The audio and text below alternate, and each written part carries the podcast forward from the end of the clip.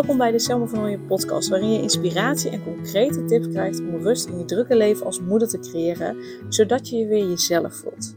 Mijn naam is Selma Michielse van Nooyen en ik help moeders met jonge kinderen die niet meer alleen maar moeder willen zijn, maar die zich weer zichzelf willen voelen. Ik help hen van een opgejaagd gevoel naar rust. Heel veel luisterplezier.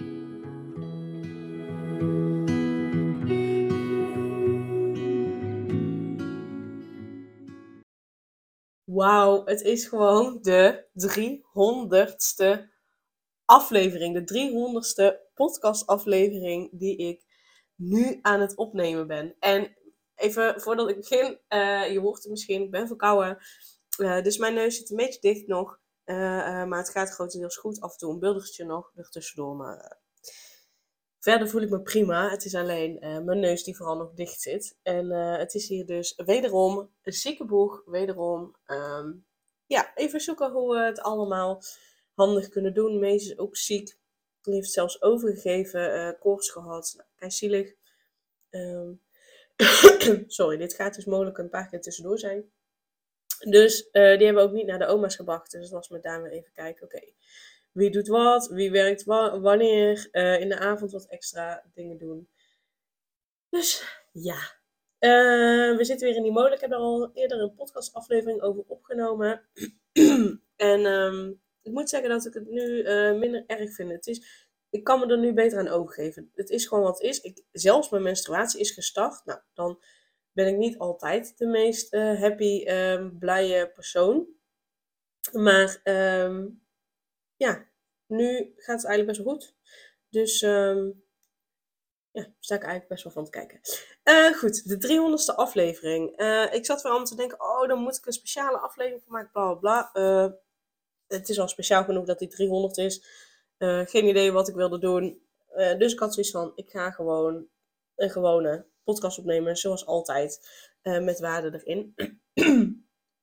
en ik ben op dit moment uh, boek aan het lezen, De Tijger Ontwaakt. En um, van Peter Levine, zoiets geloof ik, uh, dat je het uitspreekt. Maar hij heeft heel veel onderzoek gedaan naar uh, traumaverwerking. En hij heeft een hele, hele, hele belangrijke bijdrage geleverd aan lichaamsgerichte psychotherapie. En hij is er ook van overtuigd dat. nou ja, ik ga er een stukje ook over voorlezen, omdat ik daarmee duidelijk wil maken hoe belangrijk het is om niet alleen maar te gaan zitten praten over je dingen, maar echt gewoon je lichaam het werk te laten doen. Ehm, maar hij heeft heel veel betekend op het gebied van traumaverwerking. Ook heel veel uh, werk daarin gedaan, maar ook heel veel onderzoek naar gedaan, boeken over geschreven.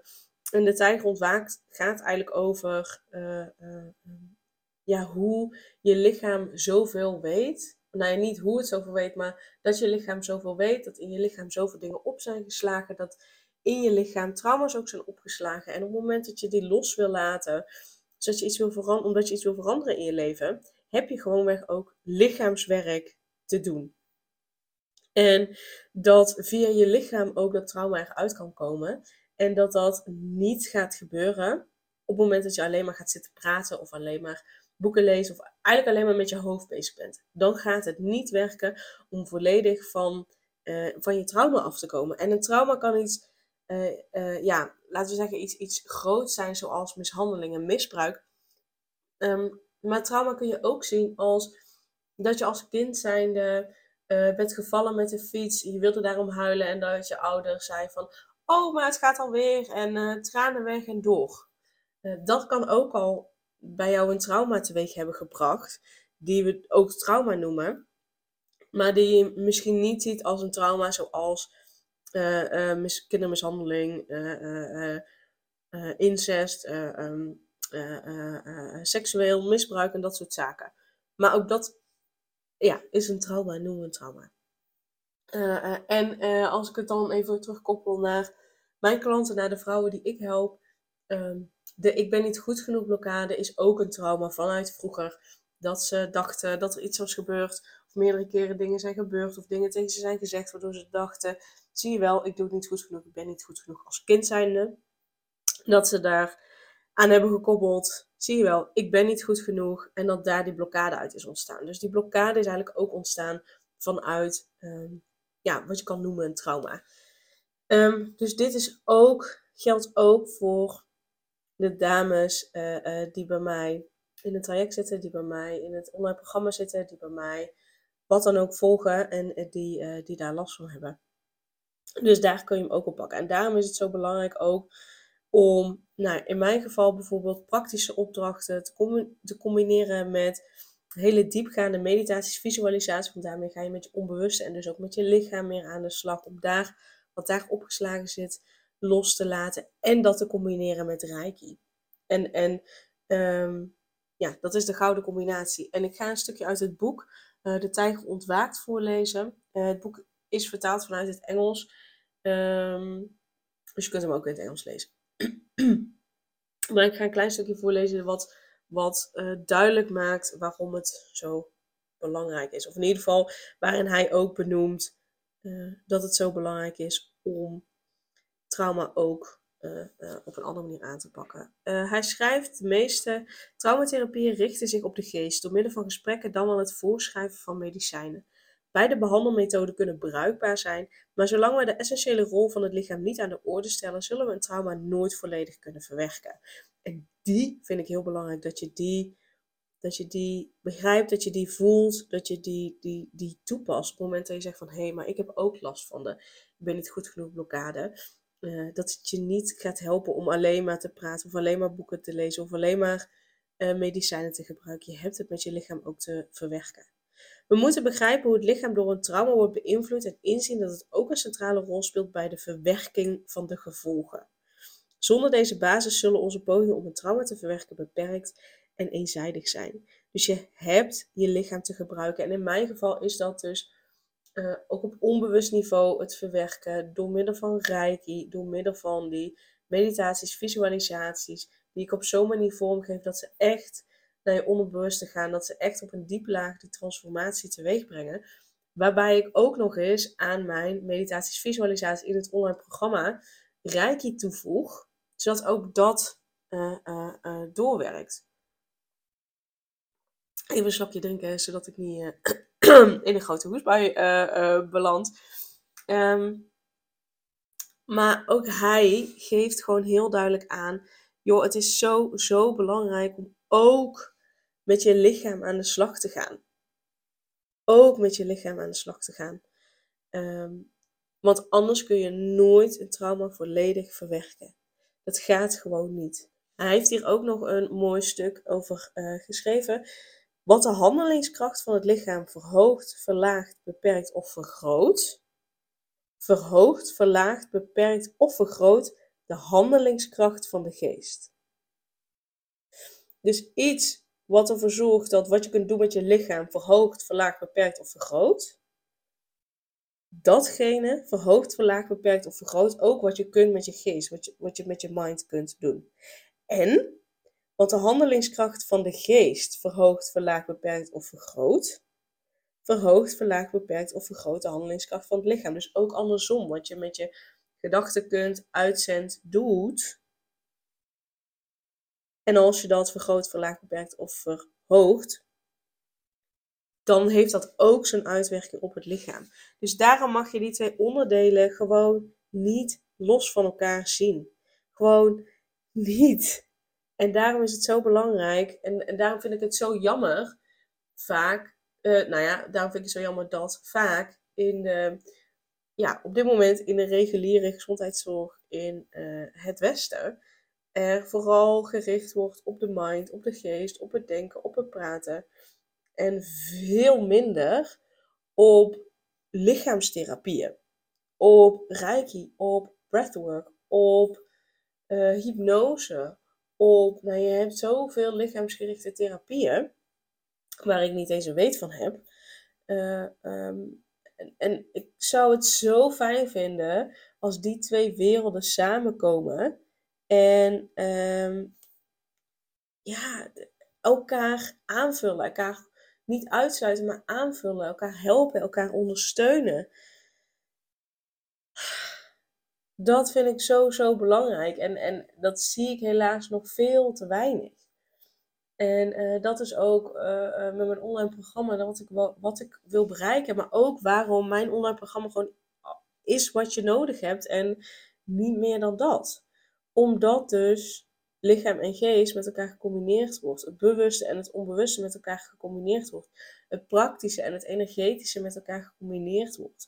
Dat is de combinatie die je nodig hebt. En alles wat je nodig hebt om de ik ben niet goed genoeg blokkade los te laten. Om te voelen dat je goed genoeg bent. Om te voelen dat je een goede moeder bent.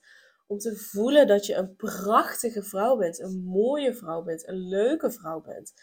Dat je voelt dat je goed bent zoals je bent. Dat je voelt en ziet en, en weet en, en alles. Dat jij leuk bent. Dat jij prachtig bent. Dat jij gewoon echt goed bent zoals je bent. En ik weet niet hoe ik het nog meer duidelijk mag maken.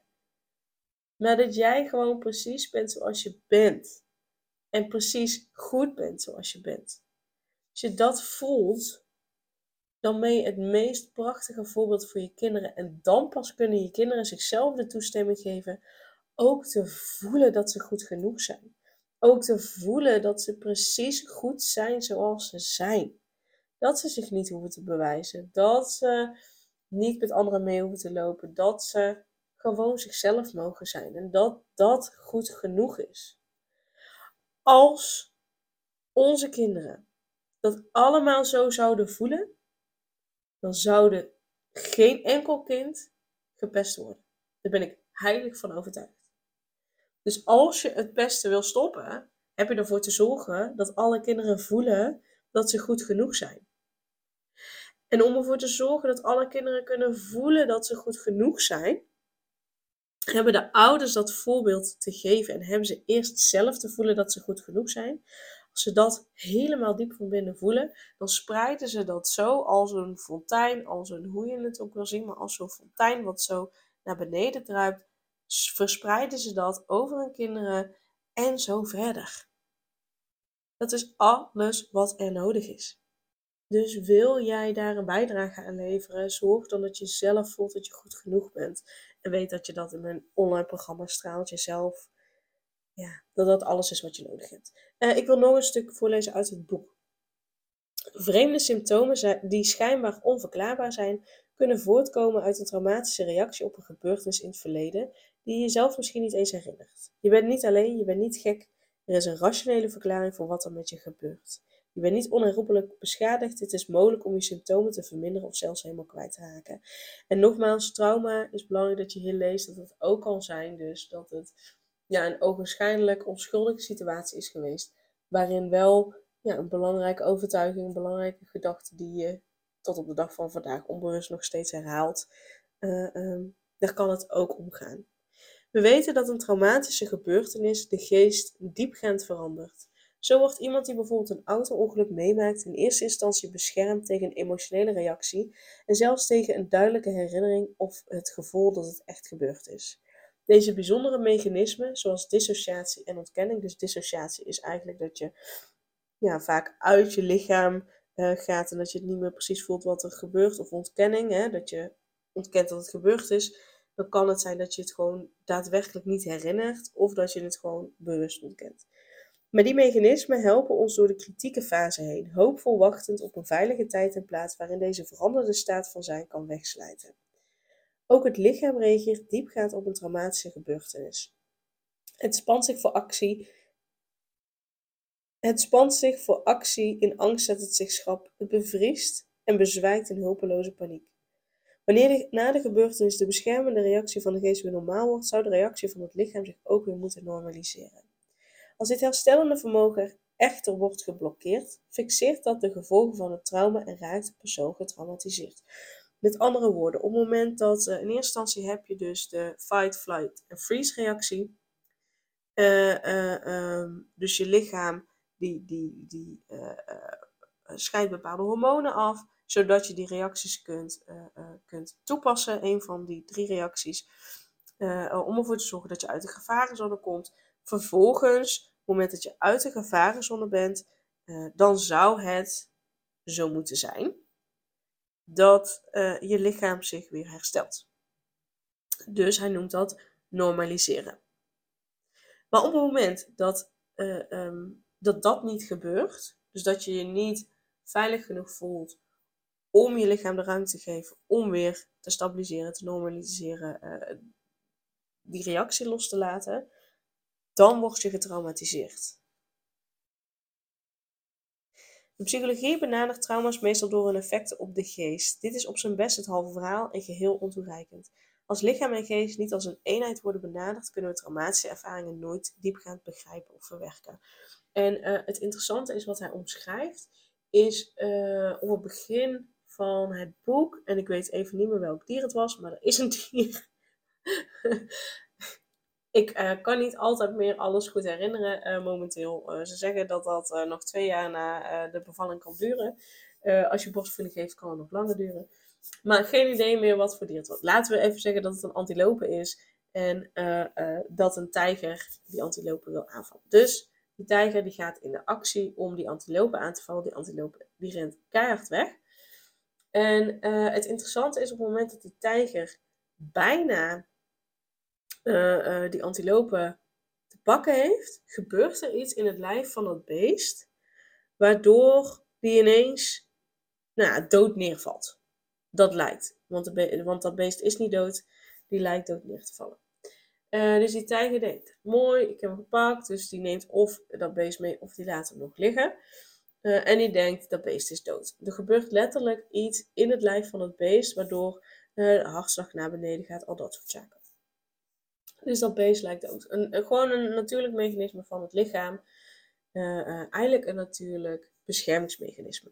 En dus dat beest doet net alsof hij dood is. Die tijger denkt, hey, uh, de beest is dood, dus ik kan rustig even dat beest laten liggen. Prima. Op het moment dat die tijger dan, denkt, dan, dan bijvoorbeeld wat afstand neemt, dan ontstaat er in het lijf van die antilope iets waardoor dat hij ineens weer heel snel weg kan rennen en dus alsnog ontsnapt. Dus dat beest dat is bevrijd en kan weer terug naar de kudde. Dus dat beest is niet eens dood. Dit is een hele natuurlijke reactie. Hij omschrijft in zijn boek beter dan ik, maar dit is even de korte samenvatting. Um, en vervolgens, wat er dan gebeurt, is op het moment dat dat beest veilig is, dan gaat het lichaam van dat beest shaken. Dat gaat shaken en dat is ook heel natuurlijk en dat is juist heel goed, want het shakt het trauma eruit. En dat beest laat, laat zijn lichaam uitshaken en op het moment dat het klaar is, dan kan hij gewoon weer fijn verder gaan zonder dat dat beest een trauma oploopt. En dat kan dat beest alleen maar doordat hij in een veilige situatie zijn lichaam laat uittrillen. Dus het trauma uit het lichaam laat trillen. Daarom zie je uh, soms tegenwoordig dat, uh, nou, tegenwoordig, zie je soms dat mensen um, als ze een bepaalde therapie doen en ze raken een, een aan, dat het lichaam begint te shaken. En het is heel erg belangrijk op het moment dat je dat zelf hebt, of dat je ziet dat iemand anders dat heeft, dat je die persoon laat uittrillen. Dat je die wel even checkt van, hey, ben je oké? Maar dat je het lichaam, het trauma laat uittrillen. Dat is zo, zo belangrijk, want als je dat niet doet, dan slaat het trauma zich weer in het lijf op. Dus eigenlijk is het heel goed als iemand een bepaalde therapie vormt en die begint te shaken, Eigenlijk is dat heel goed, want dat is het lichaam, de natuurlijke reactie van het lichaam, die het trauma eruit shake. En daarom, en alleen op het moment dat het lichaam de ruimte krijgt om dat trauma eruit te laten gaan, ehm, kan dat trauma losgelaten worden, kan dat trauma verwerkt worden. En kun je dus ervoor zorgen dat het trauma je leven niet meer beïnvloedt. Uh, um, en dat is het mooie bijvoorbeeld met Reiki. Kun je dat ook, kun je die blokkades, kun je die trauma's er ook uithalen. En dat gaat niet in één sessie, maar dat kan wel in meerdere sessies. In combinatie met nee, praktische opdrachten, uh, diepgaande visualisaties, meditaties. Um, dus wat ik hiermee heel duidelijk wil maken is: denk alsjeblieft aan je lijf. Als je merkt dat je last hebt van een bepaalde blokkade, dan komt dat, ehm, die overtuiging die vastzit, zoals ik ben, ik, ik ben niet goed genoeg, uh, die overtuiging, die blokkade, uh, die is ontstaan vanuit het trauma van vroeger. En nogmaals, dat kan een onschuldig iets zijn geweest. Dus onschuldige situatie zijn geweest, maar die wel een diepe impact heeft gehad op eh, hoe jij je voelde toen, hoe je je nu voelt. En ehm, daar kan het trauma uit ontstaan. En daarom is het zo belangrijk dat je ook op onbewust niveau, op lichaamsniveau, aan de slag gaat en dat los gaat laten. Want je hebt je waarschijnlijk daarna nooit helemaal veilig genoeg gevoeld om het los te laten. Om het eruit te laten. Stel dat je bent gevallen met de fiets. Hè, het voorbeeld wat ik op het begin doe. Je bent gevallen met de fiets. Je wil gaan huilen. Maar een van je ouders zegt. Oh, geef niet. Uh, uh, het is alweer goed. Uh, niks aan de hand. Snel je tranen weg dan je natuurlijke reactie was om het lichamelijk eruit te laten. De shock van dat je bent gevallen, de schrik van dat je bent gevallen. Natuurlijke reactie is om het er lichamelijk uit te laten. Door bijvoorbeeld te gillen, te huilen, wat dan ook. Uh, maar doordat je gestopt wordt in die reactie, slik je het weer in en slik je bij wijze van dat trauma in. En um,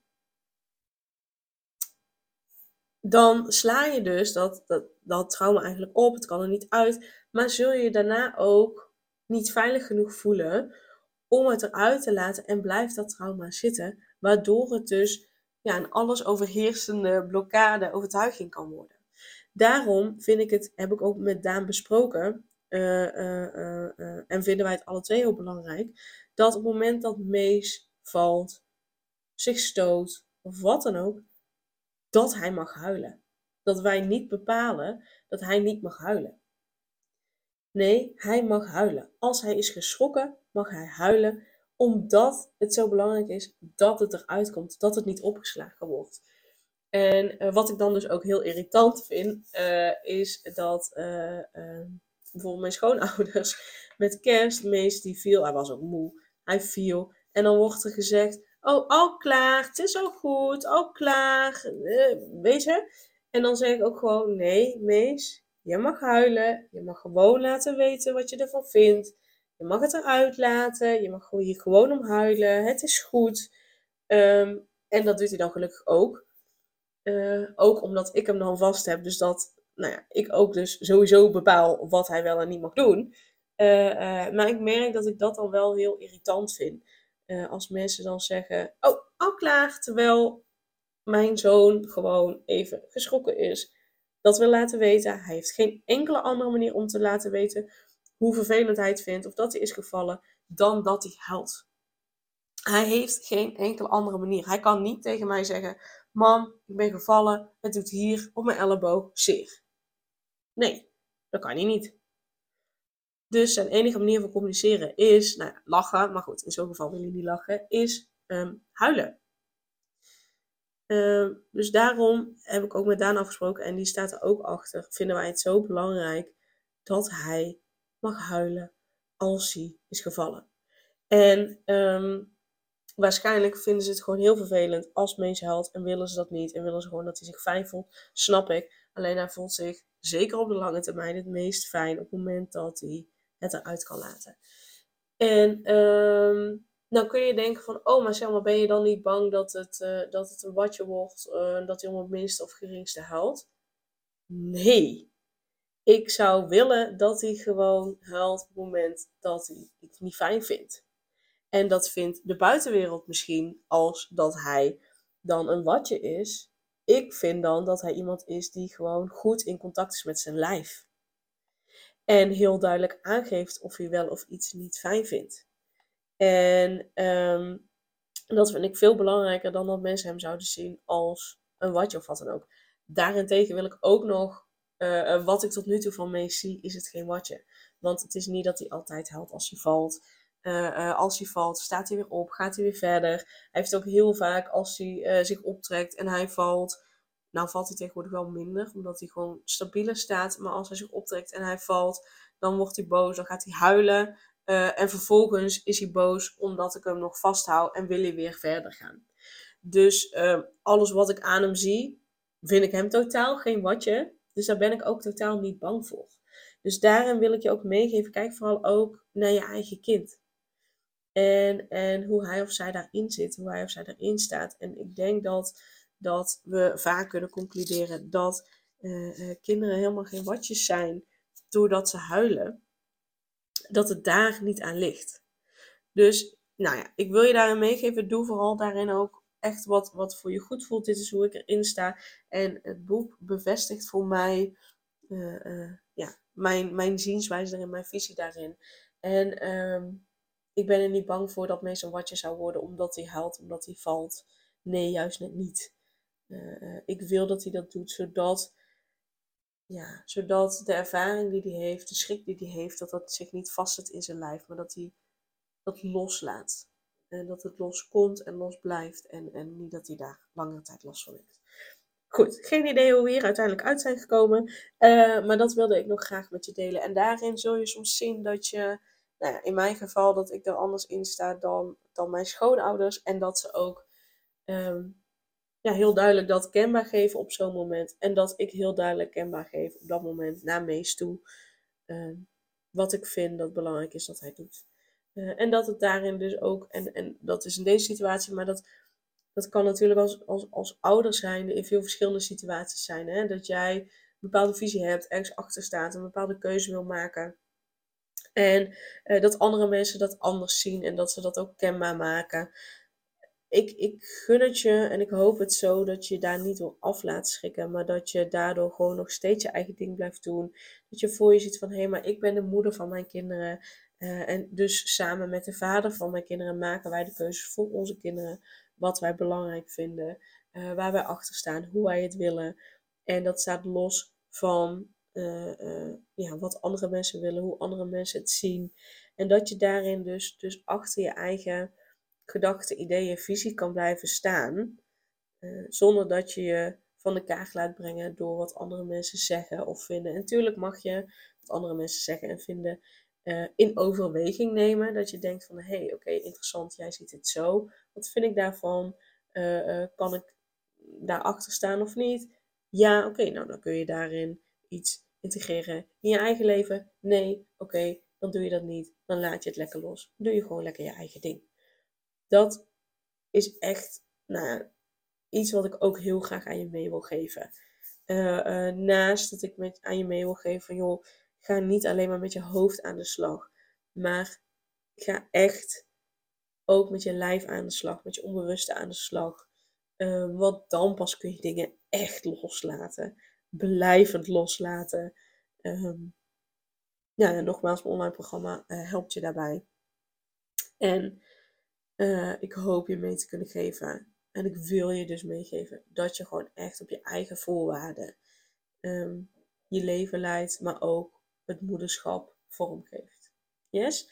Dan wil ik nog met je delen dat ik deze maand, dus de maand januari, uh, de gratis challenge Rust voor Moeders um, weer ga geven. Die geef ik op 16 januari, 17 januari en 19 januari. Allemaal om half tien ochtends. Uh, dat is een dinsdag, woensdag, vrijdag. Elke dag duurt ongeveer een uur. Uh, en het duurt dus drie dagen. En in de gratis challenge ontdek je wat de cruciale stappen zijn om blijvend rust in je leven te creëren als moeder. Hoe je ervoor zorgt dat je niet meer twijfelt wat het beste is voor jou en je gezin. Bijvoorbeeld hoeveel uren je zou moeten werken. Of je kinderen naar de kinderopvang gaan. Of naar familie. Of ze vijf dagen in de week naar de opvang gaan. Of één dag of drie of twee of whatever. Uh, uh, of je borstvoeding of flesvoeding geeft. Maar dat je gewoon echt diep van binnen voelt wat de juiste keuzes zijn. En daar ook volledig achter staat en dat ook gewoon doet. Uh, hoe je van een gestreste, onzekere moeder naar een gezellige, leuke en zelfverzekerde moeder gaat. Welke handvatten je helpen om de cirkel te doorbreken. Wat je te doen hebt om rust te voelen en prioriteiten te stellen, zodat je volledig met je aandacht bij je kinderen kunt zijn. En voluit genieten van je leven met je gezin. Wat de kracht van rijkje is en ervaar je precies hoeveel rust en ontspanning rijkje je geeft. Hoe je ervoor zorgt dat je eigen vervelende ervaringen van vroeger je gezinsleven van nu niet meer beïnvloeden. Daar ga ik het over hebben tijdens deze challenge. En uh, ik uh, zal de link ook in de show notes zetten, zodat je aan kunt melden. Luister je deze uh, aflevering na januari 2024, dan check alsnog de link, want dan geef ik hem waarschijnlijk op een ander moment. Yes, super dankjewel voor het luisteren en ik wens je een hele fijne dag. Doei! Superleuk dat je weer luistert naar een aflevering van de Selma van Ooyen podcast. Dank je wel daarvoor. En ik deel in deze intro nog een aantal belangrijke punten. Als eerste is het mijn missie om ervoor te zorgen dat moeders zich weer zichzelf voelen en ze rust en liefde voor zichzelf voelen, zodat hun kinderen zo lang mogelijk kind kunnen zijn. Daarom maak ik deze podcast voor jou en voor je kind of voor je kinderen. Dus gun het jezelf dat je weer jezelf voelt en dat je voluit geniet van het leven, zodat je je kinderen een vrije en gelukkige jeugd kunt geven en ze zo lang mogelijk speels, vrij, onbevangen en onbezonnen kind kunnen zijn. Dus vraag daarom nu mijn gratis e-book aan 8 tips voor moeders met jonge kinderen om meer rust in je leven te creëren. Of meld je aan voor mijn gratis online training De Cruciale Stap om blijvend rust in je leven te creëren als moeder met jonge kinderen. Ten tweede, wil je alle podcastafleveringen overzichtelijk onder elkaar en wil je als eerste op de hoogte gebracht worden als er een nieuwe podcastaflevering online staat? Abonneer je dan op de podcast door op de knop volgen, subscribe of abonneer te drukken en klik op het belletje. En ten derde, ondersteun je mijn missie en wil je ook weer jezelf voelen, zodat je kinderen zo lang mogelijk kind kunnen zijn? Laat dan een review achter in de podcast app via waar je deze afleveringen luistert.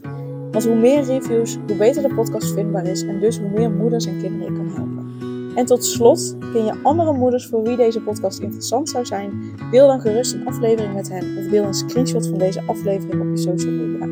Wil je mij een vraag stellen of wil je contact opnemen? Dan kan dat via info.selmavanhooien.nl Nogmaals, super dankjewel voor het luisteren en tot de volgende keer.